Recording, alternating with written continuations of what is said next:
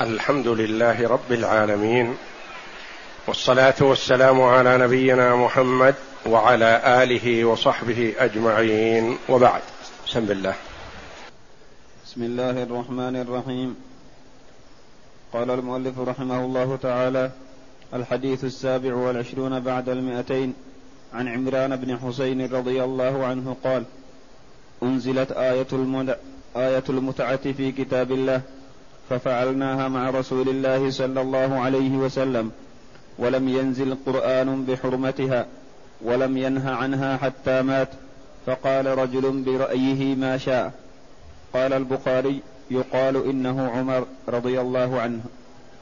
ولمسلم نزلت آية, آية المتعة يعني متعة الحج وأمرنا بها رسول الله صلى الله عليه وسلم.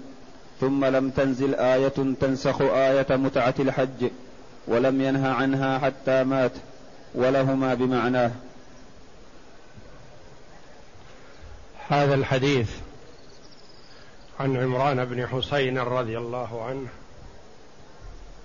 قاله كما قال الراوي في مرض موته الذي مات فيه. زاره أحد التابعين فقال أحدثك أحاديث لعل الله أن ينفعك بها. ثم قال له هذا الحديث. يقول نزلت آية المتعة المتعة أي التمتع بالحج بالعمرة إلى الحج. في كتاب الله في قوله جل وعلا فمن تمتع بالعمرة إلى الحج فما استيسر من الهدي.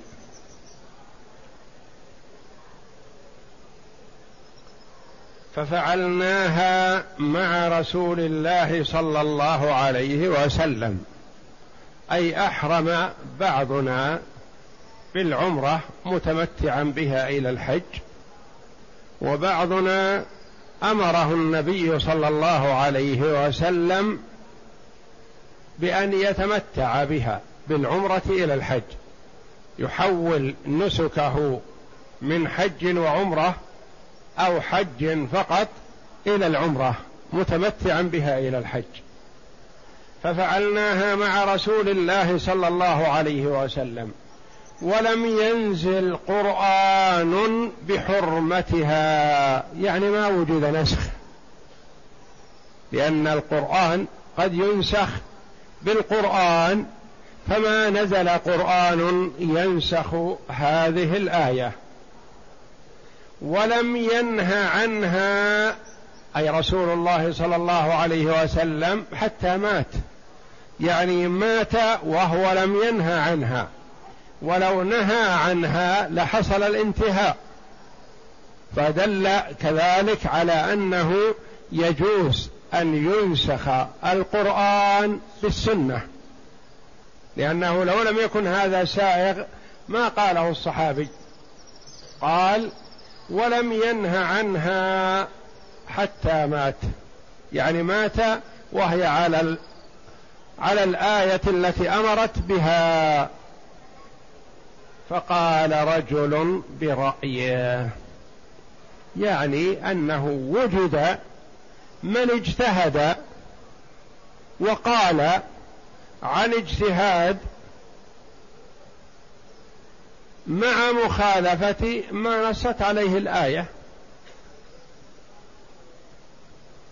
فكأنه يقول لا تلتفت إلى من قال برأيه. ما دام أنها نزلت في القرآن ولم ينه عنها النبي صلى الله عليه وسلم بعد ذلك فلا تلتفت إلى من نهى عنها. وقد يكون هذا الناهي مجتهدا أراد شيئا ما أدركه غيره لكن ما نص عليه كتاب الله أولى بالأخذ. قال البخاري يقال إنه عمر لأن عمر رضي الله عنه كان ينهى عن التمتع بالعمرة إلى الحج.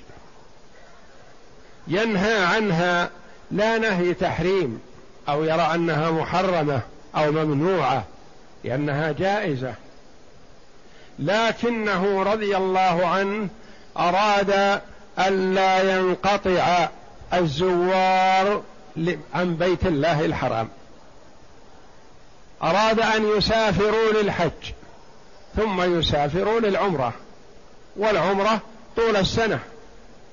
فهذا يأتي في محرم وهذا في صفر وهذا في شوال وهذا كذا إلى آخره.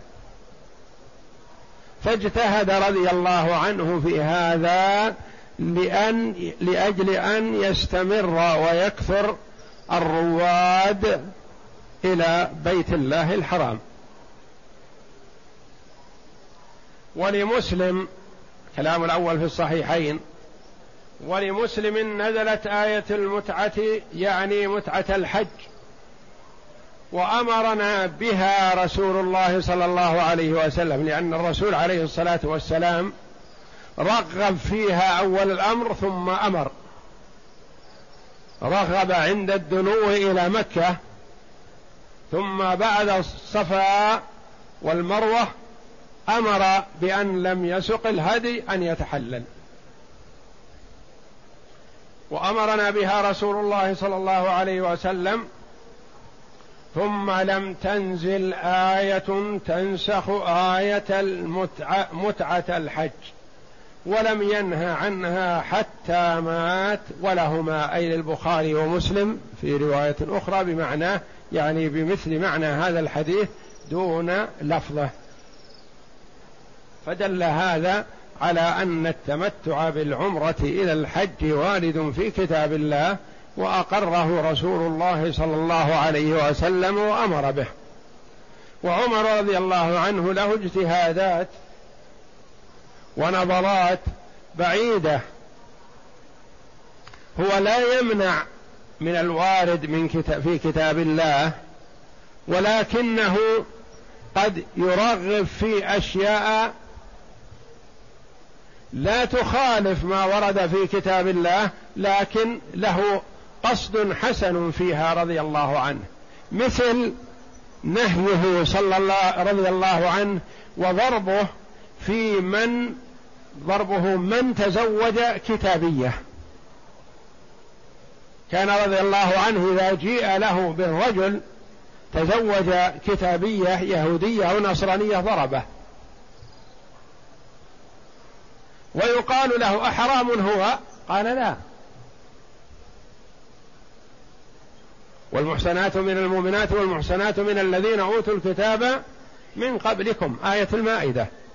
حلال إذا كانت محصنة ليس هو بحرام لكن انظر ماذا يترتب عليه؟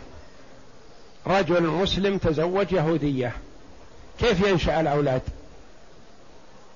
تزوج نصرانية. على ماذا تنشئهم أمهم؟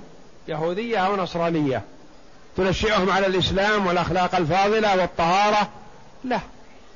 تنشئهم على ما اعتادت عليه وعلى ما نشأت عليه.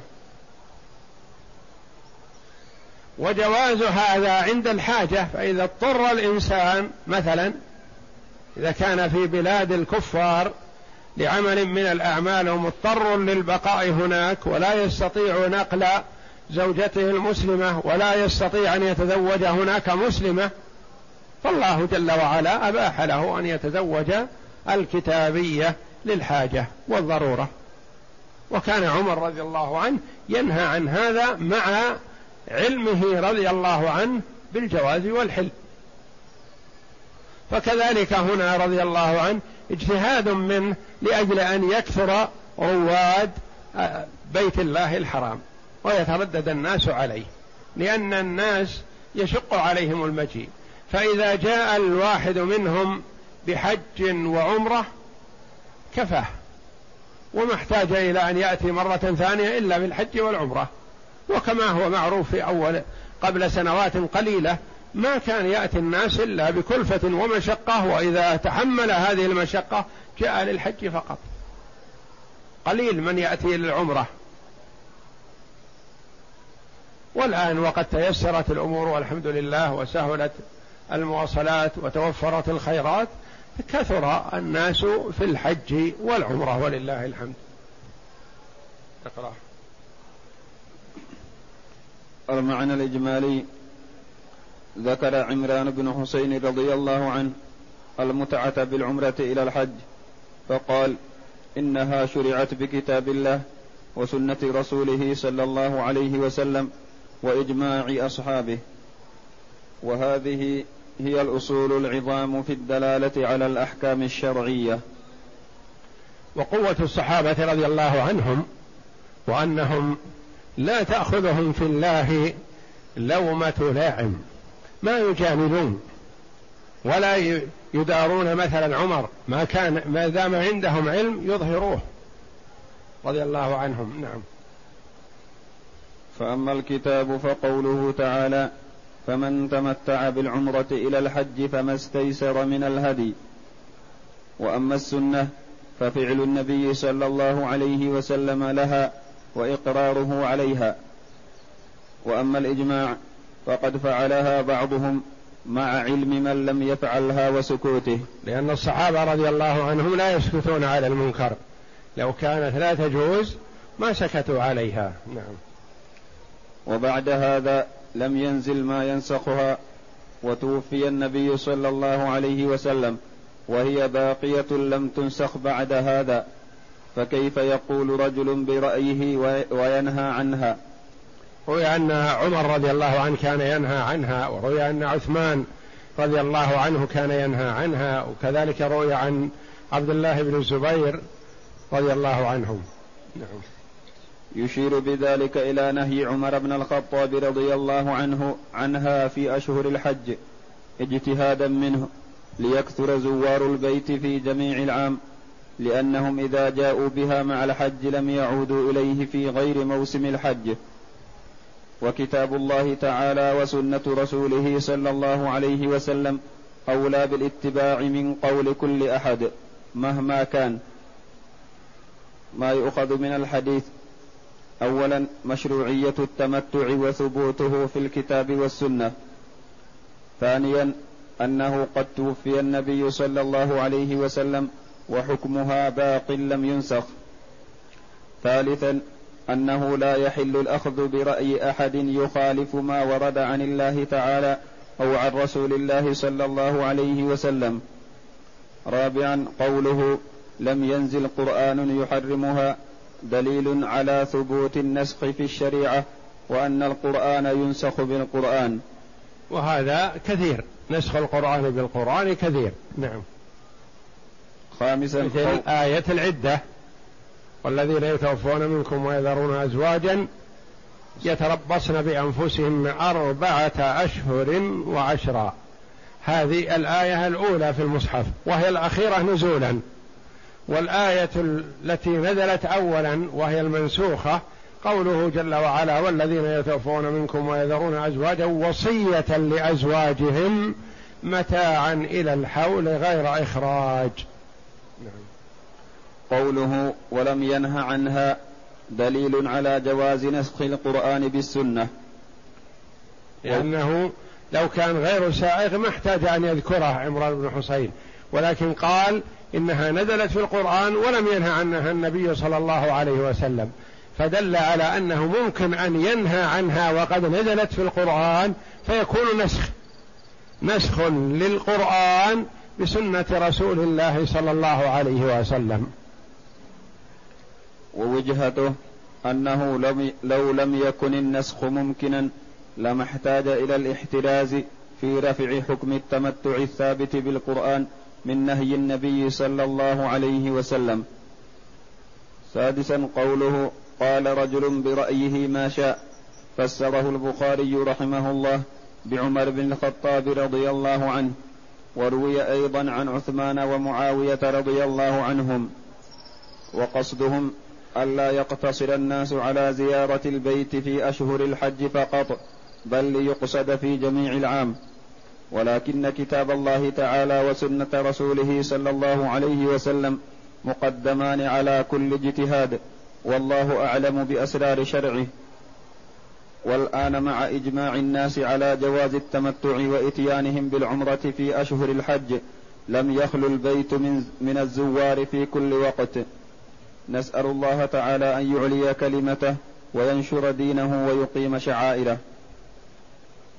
نعم. الحديث الثامن والعشرون بعد المئتين.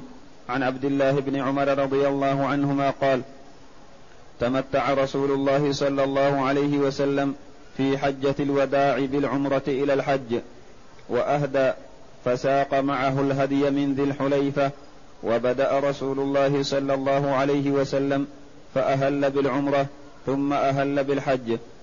فتمتع الناس مع رسول الله صلى الله عليه وسلم فأهل بالعمرة إلى الحج.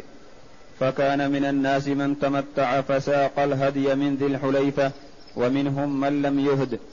فلما قدم النبي صلى الله عليه وسلم مكة قال للناس من كان منكم قد أهدى فإنه لا يحل من شيء حرم منه حتى يقضي حجه.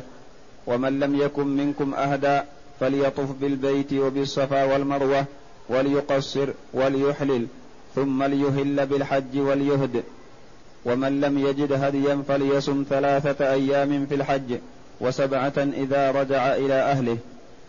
فطاف رسول الله صلى الله عليه وسلم حين قدم إلى مكة واستلم الركن أول شيء ثم خب ثلاثة أشواط من السبع ومشى أربعة وركع حين قضى طوافه بالبيت عند المقام ركعتين ثم انصرف فأتى الصفا وطاف بين الصفا والمروة سبعة أشواط ثم لم يحل من شيء حرم منه حتى قضى حجه.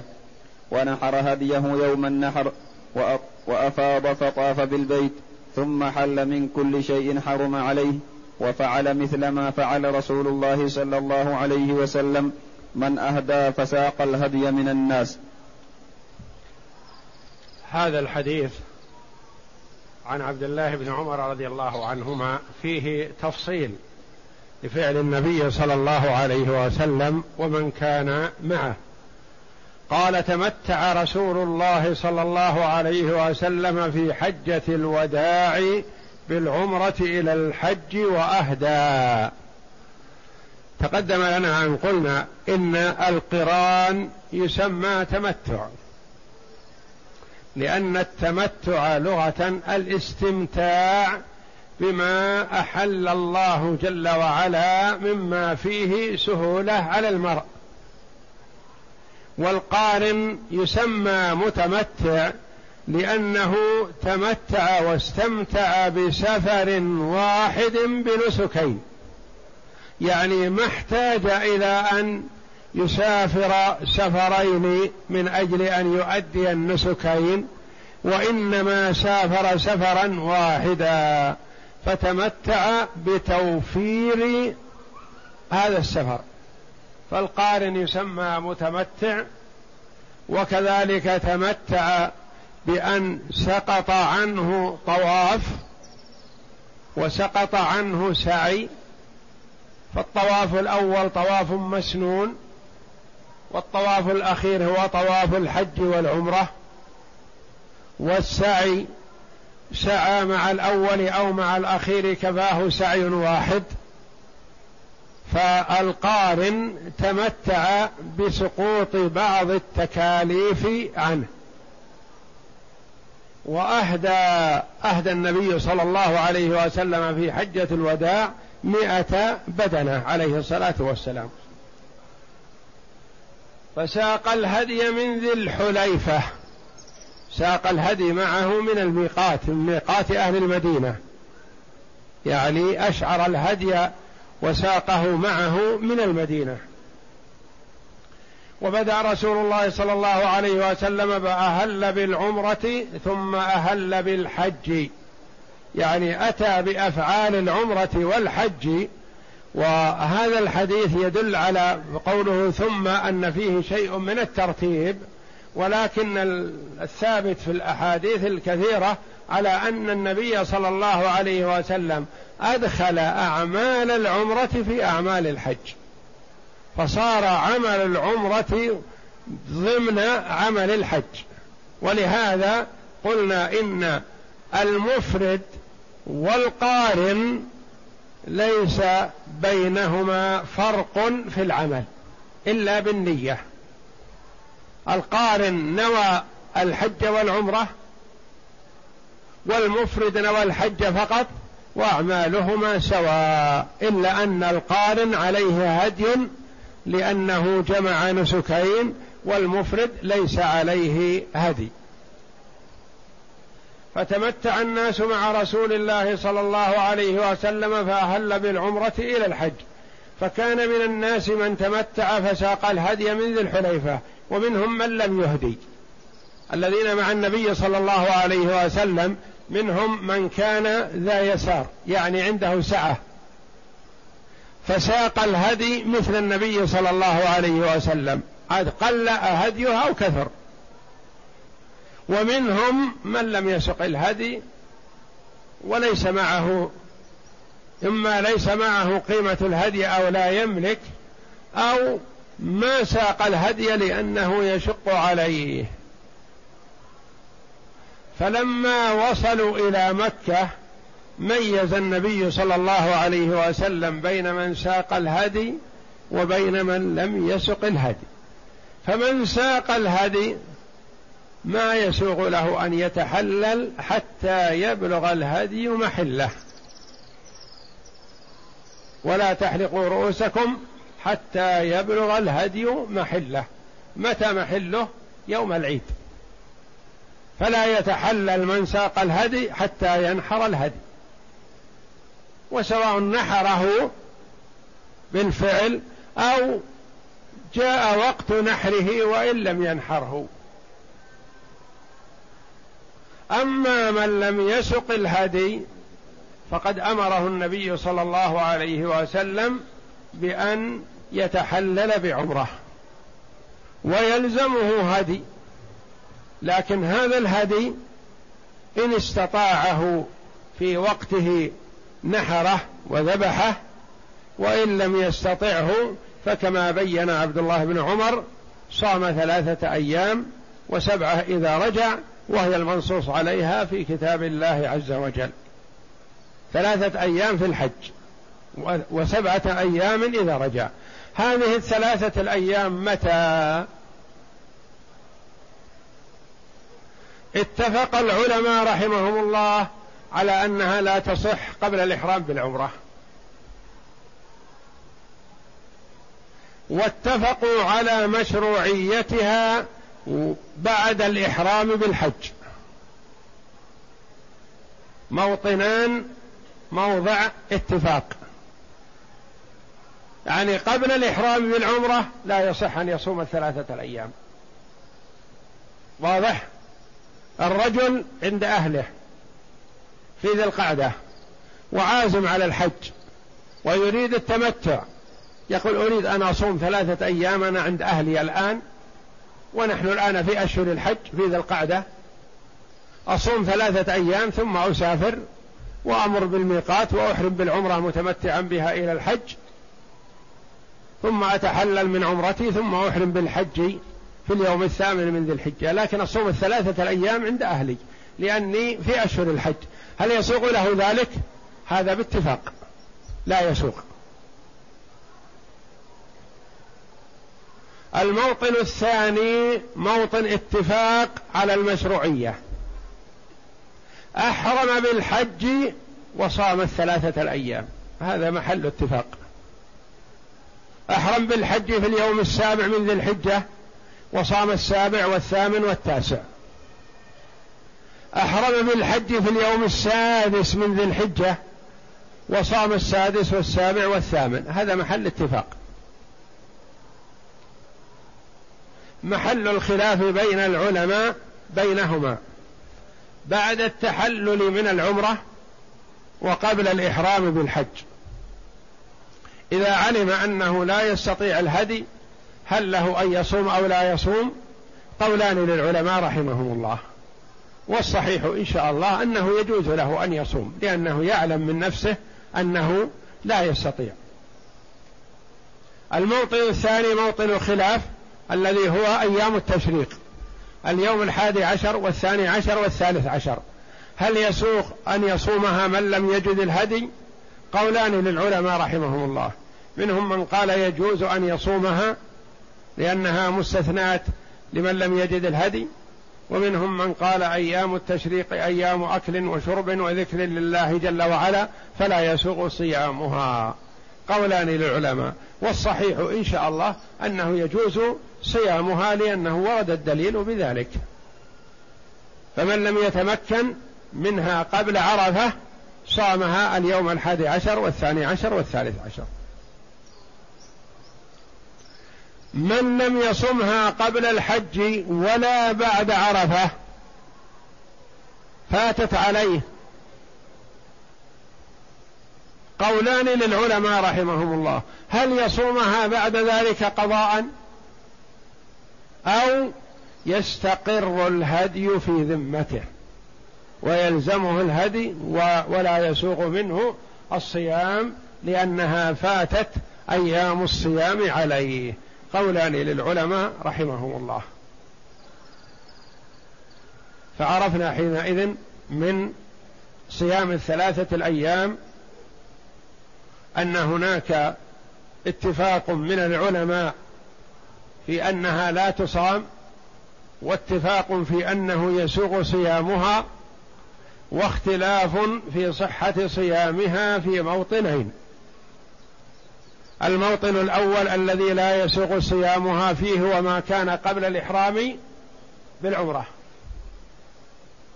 الموطن الثاني من الاتفاق في أنه يسوغ صيامها في موطن بعد الإحرام بالحج. الخلاف فيما بين العمرة والحج هذا محل خلاف والصحيح الجواز إن شاء الله. الخلاف في جواز صيامها أيام التشريق قولان والصحيح الجواز إن شاء الله. من فاتته هذه الأيام الثلاثة قولان للعلماء هل يصومها قضاء مثلا اليوم الرابع عشر والخامس عشر والسادس عشر من ذي الحجة؟ أم استقر الهدي في ذمته متى ما قدر عليه؟ قولان للعلماء رحمهم الله.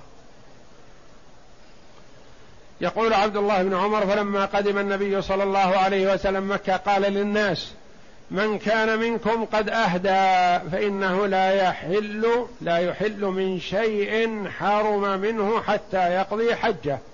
مثل النبي صلى الله عليه وسلم. ومن لم يكن منكم أهدى فليطف بالبيت وبالصفا والمروة وليقصر وليحلل ثم ليهل بالحج وليهدي. دل هذا الحديث على أنه يسمى السعي بين الصفا والمروة طواف وليطف بالبيت وبالصفا والمروة. وليقصر قال هنا وليقصر ولم يقل وليحلق. لأن هذا قرب الحج. فالأفضل في هذا الموطن للمتمتع المتمتع لا يخلو. إن كان تمتعه في شوال لأن التمتع يصح من يوم العيد. يوم عيد الفطر لأن أول أشهر الحج يوم عيد الفطر.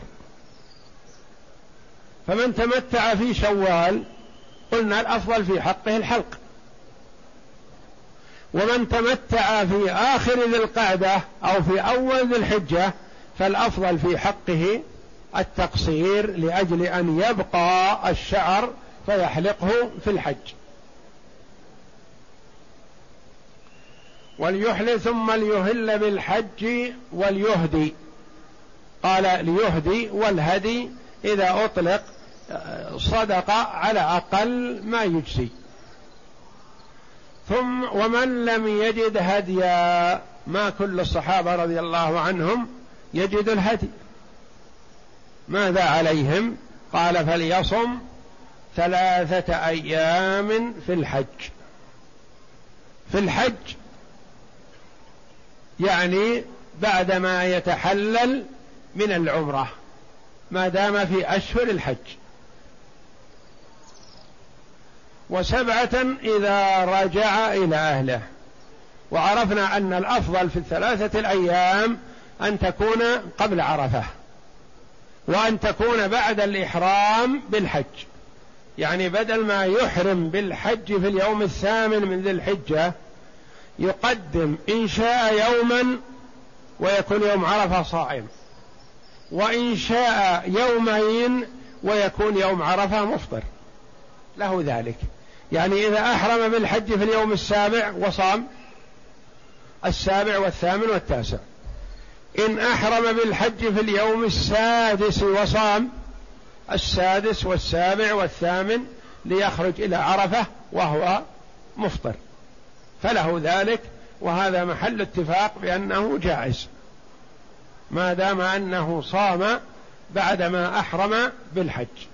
ومحل الخلاف إذا صام قبل الإحرام بالحج وبعد الإحرام والتحلل من العمرة. وسبعة إذا رجع إلى أهله هذه مطلقة والحمد لله في كل سنة. عليه سبعة أيام متى ما صامها إلا أن المبادرة كما تقدم أكثر من مرة بأن كل واجب أو مستحب كلما بادر المرء بأدائه فهو أفضل.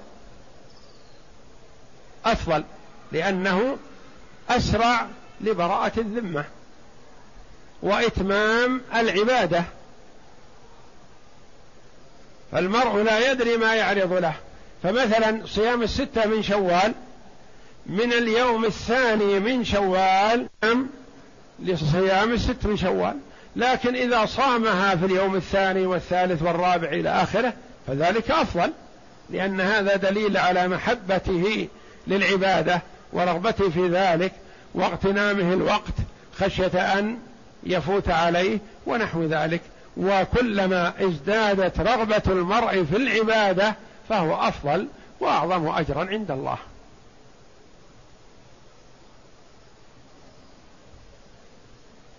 يقول فطاف رسول الله صلى الله عليه وسلم حين قدم مكة واستلم الركن. إذا قيل الركن وسكت فالمراد به الركن الذي فيه الحجر الأسود لأن الاستلام للركن سواء كان فيه الحجر الأسود أو لا مثل استلام الركن اليماني. لأنه الحجر الركن الذي فيه الحجر الأسود ليس الاستلام للحجر الأسود فقط وإنما للركن كالركن اليماني. واستلم الركن أول شيء يعني أول ما بدأ بالركن. ثم خب ثلاثة أشواط من السبع. الخبب معروف هو الإسراع يعني الرمل. ومشى أربعة الأربعة الباقية. وركع حين قضى طوافه بالبيت عند المقام ركعتين. ركع صلى سنة الطواف ركعتين عند مقام إبراهيم عليه, عليه وعلى نبينا أفضل الصلاة والسلام. ثم انصرف فأتى الصفا. في هذا الحديث فيه شيء من الاختصار. يقول بعدما ركع ركعتين انصرف إلى الصفا. وقد مر علينا أكثر من مرة حديث جابر بن عبد الله رضي الله عنه الذي فيه التفصيل والتوسع وبيان الخطوات كلها أنه بعدما صلى ركعتين جاء إلى الركن. فاستلم الحجر الأسود ثم ذهب إلى الصفا. وركع حين قضى طوافه بالبيت عند المقام ركعتين ثم انصرف فأتى الصفا وطاف بين الصفا والمروة سبعة أشواط. كذلك هنا أجمل وذلك أن النبي صلى الله عليه وسلم رقى إلى الصفا واستقبل البيت ودعا وأطال ثم انحدر كما جاء في حديث جابر فلما انصبت قدماه في بطن الوادي أسرع. فلما أصعد مشى فلما صعد المروة استقبل البيت ودعا ووقف طويلا. هذه من المواقف التي يشرع فيها الوقوف في الدعاء عند الصفا وعند المروة.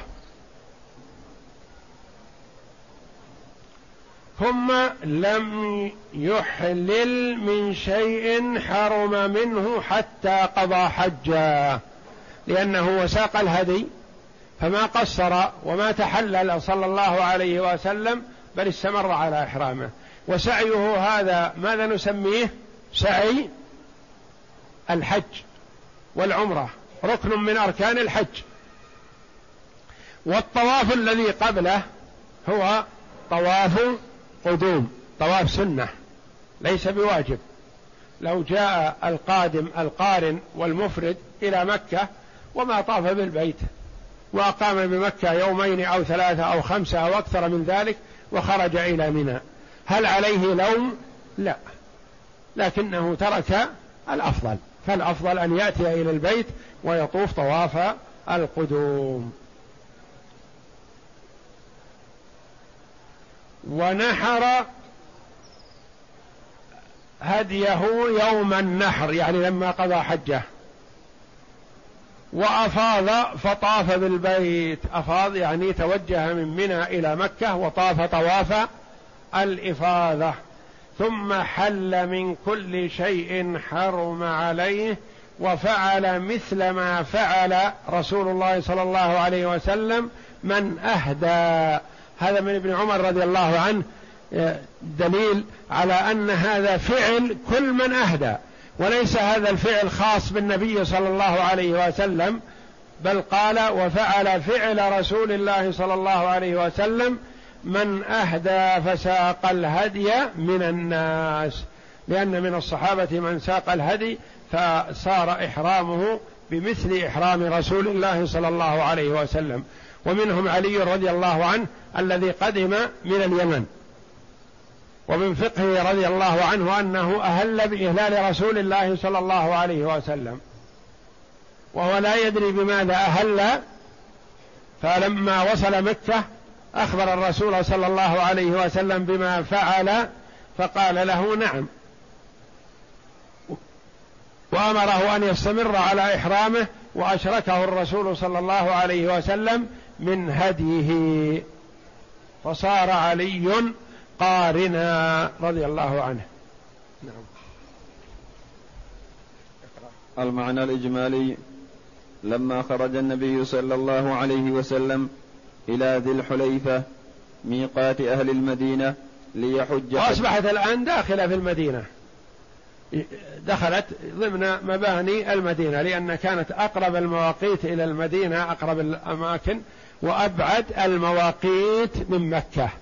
وذلك لما كانت المدينة هي أقرب الأمصار البعيدة من مكة الرسول صلى الله عليه وسلم جعل ميقاتها أبعد المواقيت من مكة عليه الصلاة والسلام.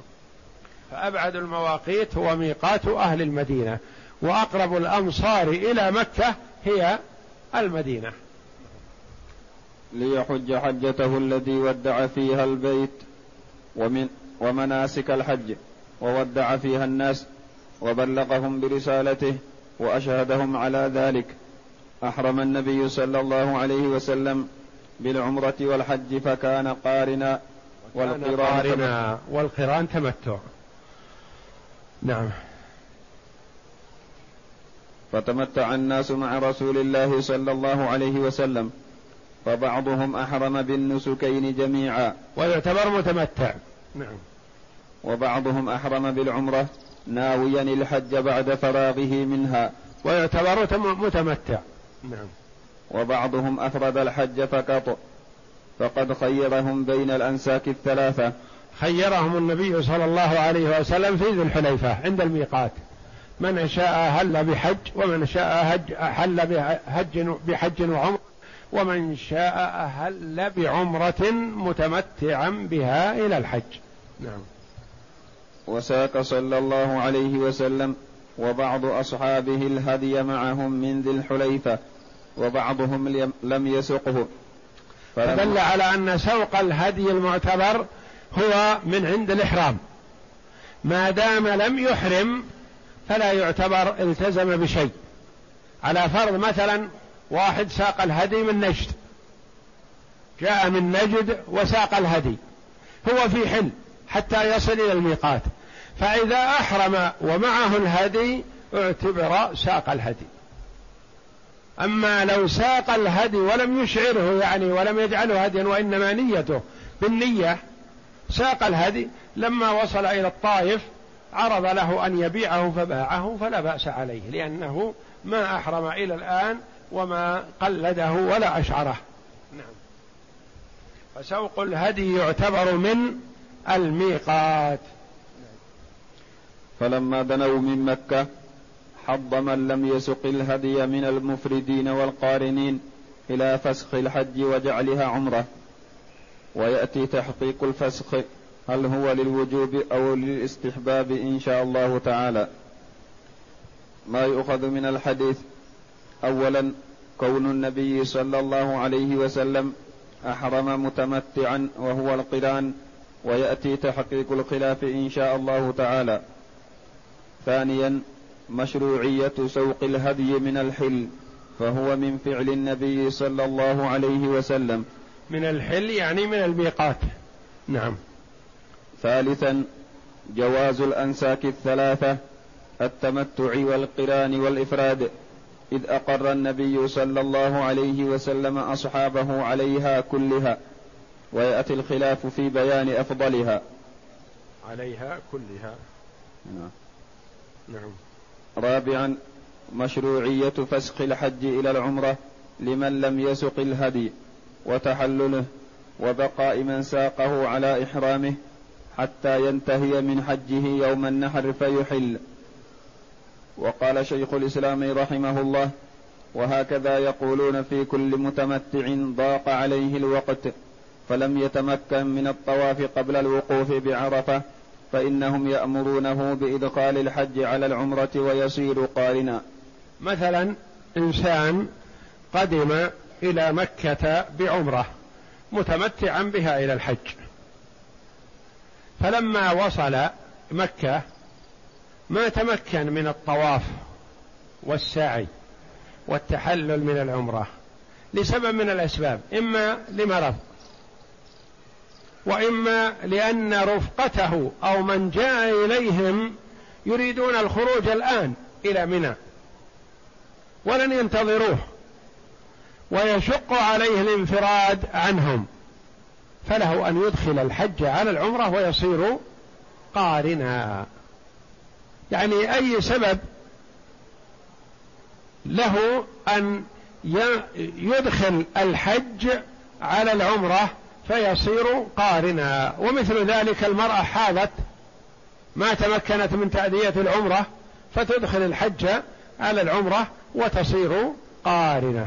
وإدخال الحج على العمرة سائغ. نعم.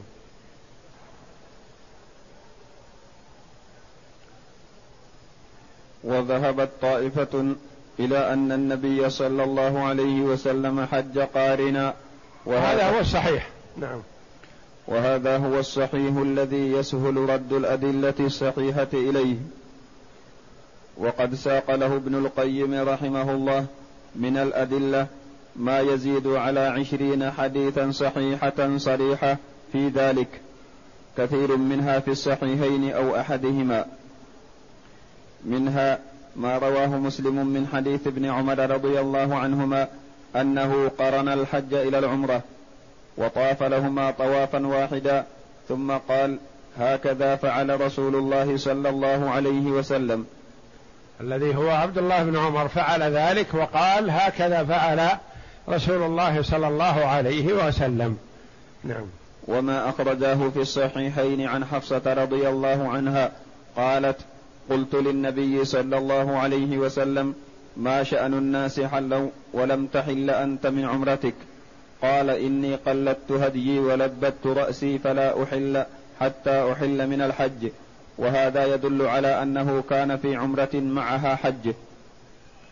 وقال صلى الله عليه وسلم لو استقبلت من أمري ما استدبرت لما سقت الهدي ولا حللت معكم. وهذا صريح في أنه استمر في حجه ولم يتحلل إلا يوم النحر. وقد قال عليه الصلاة والسلام سقت الهدي وقرنت. وقد قال الإمام أحمد رحمه الله لا شك أن النبي صلى الله عليه وسلم كان قارنا.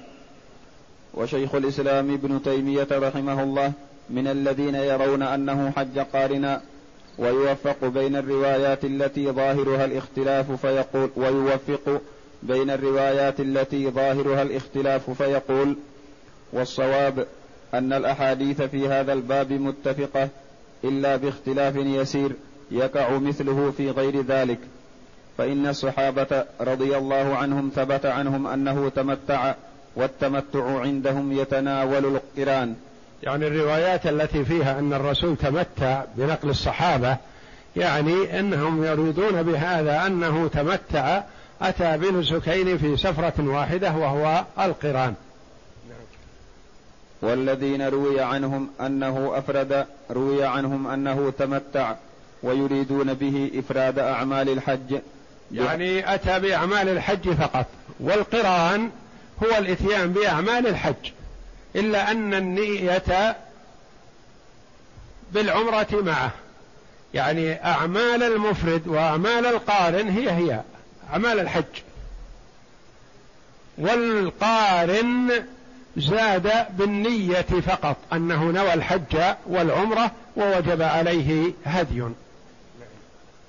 ويريدون به إفراد أعمال الحج بحيث لم يسافر للنسكين سفرين ولم يطف لهما طوافين ولم يسع لهما سعيين.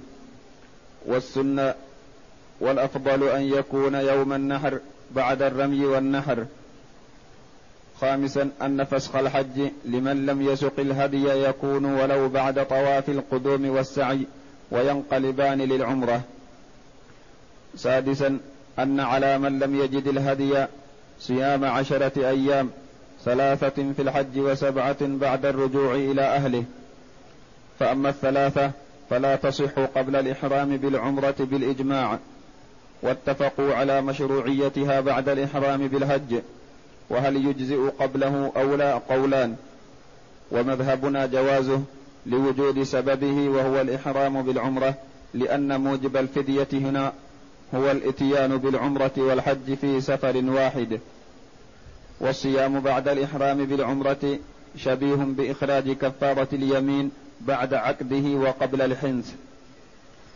سابعا مشروعية طواف القدوم لغير المتمتع الذي لم يسق الهدي وهو سنة لأنه تحية المسجد الحرام. لغير المتمتع. أما المتمتع فلا يشرع في حقه طواف القدوم وإن عليه أن يطوف طواف العمرة. نعم. ثامنا استلام الحجر الأسود في أول الطواف وتقدم مشروعية ذلك في كل طوافه إن سهل. تاسعا الرمل في الثلاثة من طواف القدوم والمشي في الأربعة الباقية. عاشرا مشروعية ركعتي الطواف عند مقام إبراهيم. الحادي عشر السعي بين الصفا والمروة بعد طواف القدوم سبعة وهو أحد أركان الحج على الصحيح. ورجح الموفق ابن قدامة أنه واجب وليس بركن. ثاني عشر الموالاة بين الطواف والسعي مستحب وقيل شرطه. ثالث عشر أن سائق الهدي يتحلل من حجه يوم النحر بعد الرمي والنحر للتحلل الأول. الرابع عشر طواف الإفاضة هو الركن الأعظم للحج. فلما طافوا وسعوا أكد عليهم أن يقصروا من شعورهم وليتحللوا من عمرتهم ثم يحرموا بالحج ويهدوا لإتيانهم بنسكين بسفر واحد. فمن لم يجد الهدي فعليه صيام عشرة أيام ثلاثة في الحج يدخل وقتها بإحرامه بالعمرة وسبعة إذا رجع إلى أهله. فلما قدم صلى الله عليه وسلم مكة استلم الركن وطاف سبعة خب ثلاثة لكونه الطواف الذي بعد القدوم ومشى أربعة ثم صلى ركعتين عند مقام إبراهيم ثم أتى إلى الصفا فطاف بينه وبين المروة سبعة. يسعى بين العلمين ويمشي فيما عداهما ثم لم يحل من إحرامه حتى قضى حجه ونحر هديه يوم النحر. فلما خلص من حجه ورمى جمرة العقبة ونحر, ونحر هديه وحلق رأسه يوم النحر وهذا هو التحلل الأول. أفاض في ضحوته إلى البيت فطاف به ثم حل من كل شيء حرم عليه حتى النساء وفعل مثله من ساق الهدي من أصحابه. الخامس عشر التحلل الكامل, التحلل الكامل بعد طواف الإفاضة من كل شيء حرم عليه بإحرامه. السادس عشر أن هذه الأفعال من النبي صلى الله عليه وسلم تشريع لأمته فكل من أحرم كإحرامه فعليه مثل ما عليه لحديث خذوا عني مناسككم اختلاف العلماء اختلف العلماء هل حج النبي صلى الله عليه وسلم مفردا أو قارنا أو معتمرا؟ فأما من يرى أنه حج مفردا فقد تمسك بأدلة. منها ما في الصحيحين عن عائشة رضي الله عنها قالت خرجنا مع رسول الله صلى الله عليه وسلم في حجة الوداع.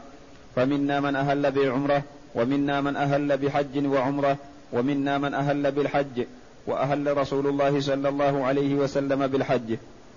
وتقسيمها صريح في أن إهلاله بالحج وحده ثم ساق ابن القيم أحاديث في الصحيحين وغيرهما كلها تدور على أنه حج مفردا وأنه أهل بالحج وأن حجه لم يكن عمرة.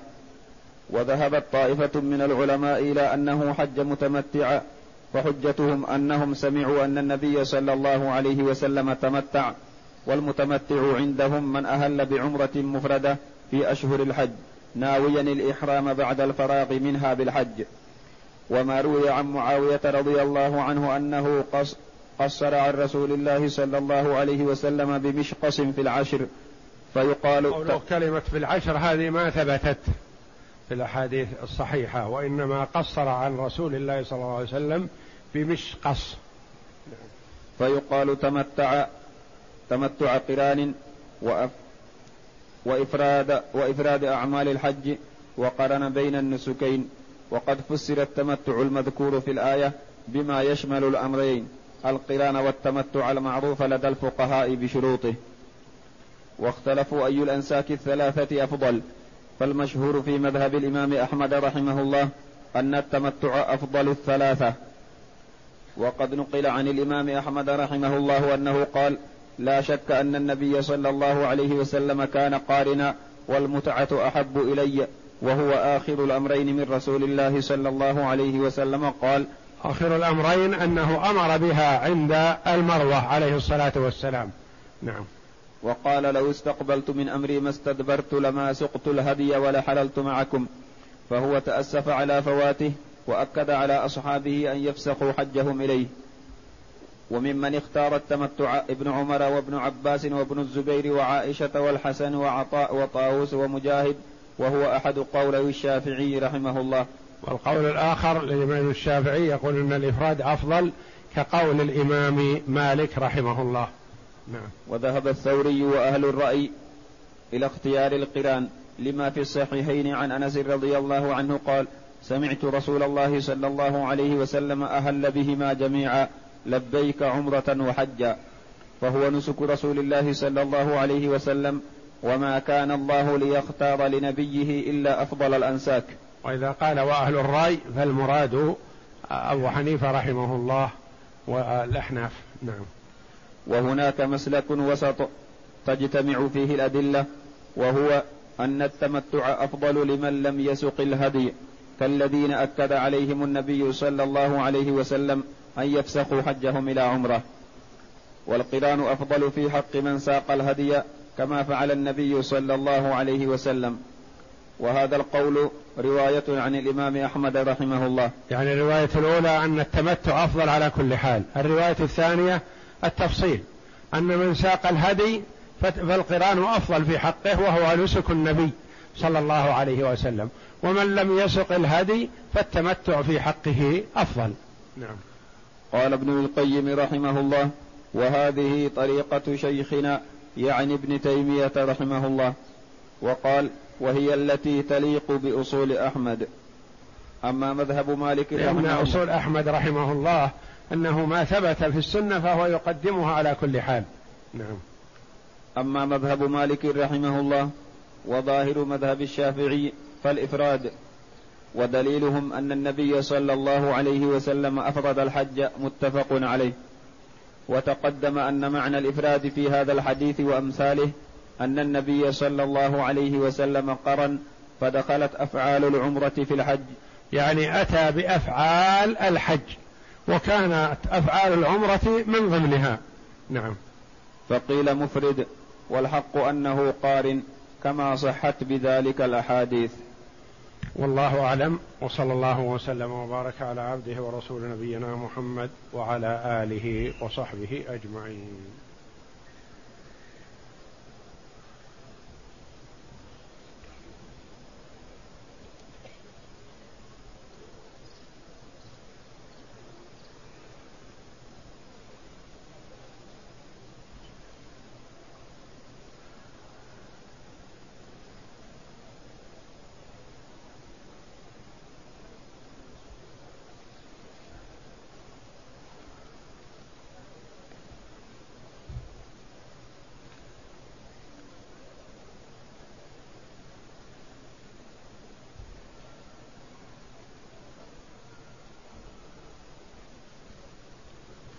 تقول السائلة أتيت بالعمرة فمنعني الزحام من أن أقبل الحجر الأسود واستلامه حتى انتهيت من عمرتي فماذا يترتب علي؟ لأن في نفسي منه شيء. أولا لا يترتب عليك شيء وخيرا فعلت. حينما توقفت عن استلام الحجر الأسود وتقبيله من أجل الزحام فأنت على خير. فلا يجوز للمرأة أن تزاحم الرجال من أجل أن تقبل أو تستلم الحجر الأسود. وتقبيل الحجر الأسود سنة إذا لم يترتب عليه أذى لنفسه ولا لغيره. فإن ترتب على تقبيل الحجر الأسود أذى لغيره فلا يجوز له ذلك لأن الأذى محرم فيحرم على المسلم أن يؤذي إخوانه المسلمين. وتقبيل الحجر الأسود سنة. فلا يجوز للمسلم أن يفعل المحرم ليأتي بالسنة. بل إذا ترك السنة خشية الوقوع في المحظور فلعله يؤجر أكثر من أن لو قبل.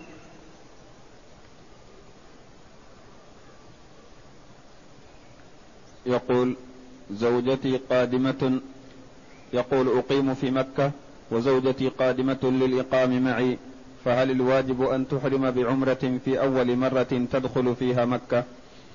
إذا قدمت بعمرة فذلك أفضل لأنها تكون قدمت بعمرة من جهتها من بلدها الذي جاءت منه قريب أو بعيد فهذا أفضل.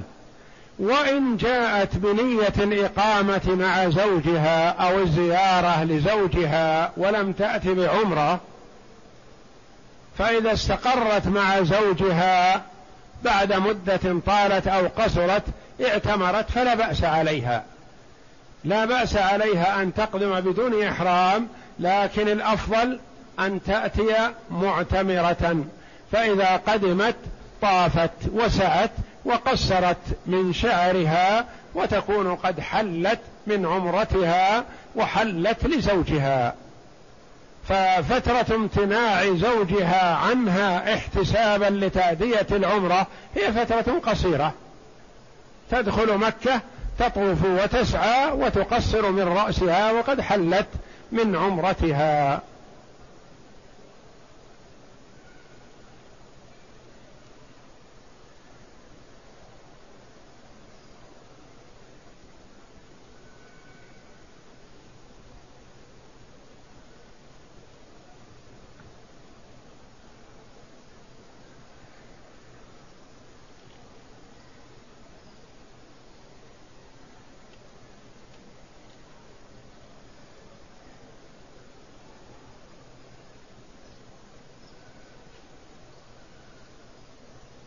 يقول أخي لا يصلي ونصحته في هذا فلم يمتثل وأصر على منعه فهل أقاطعه؟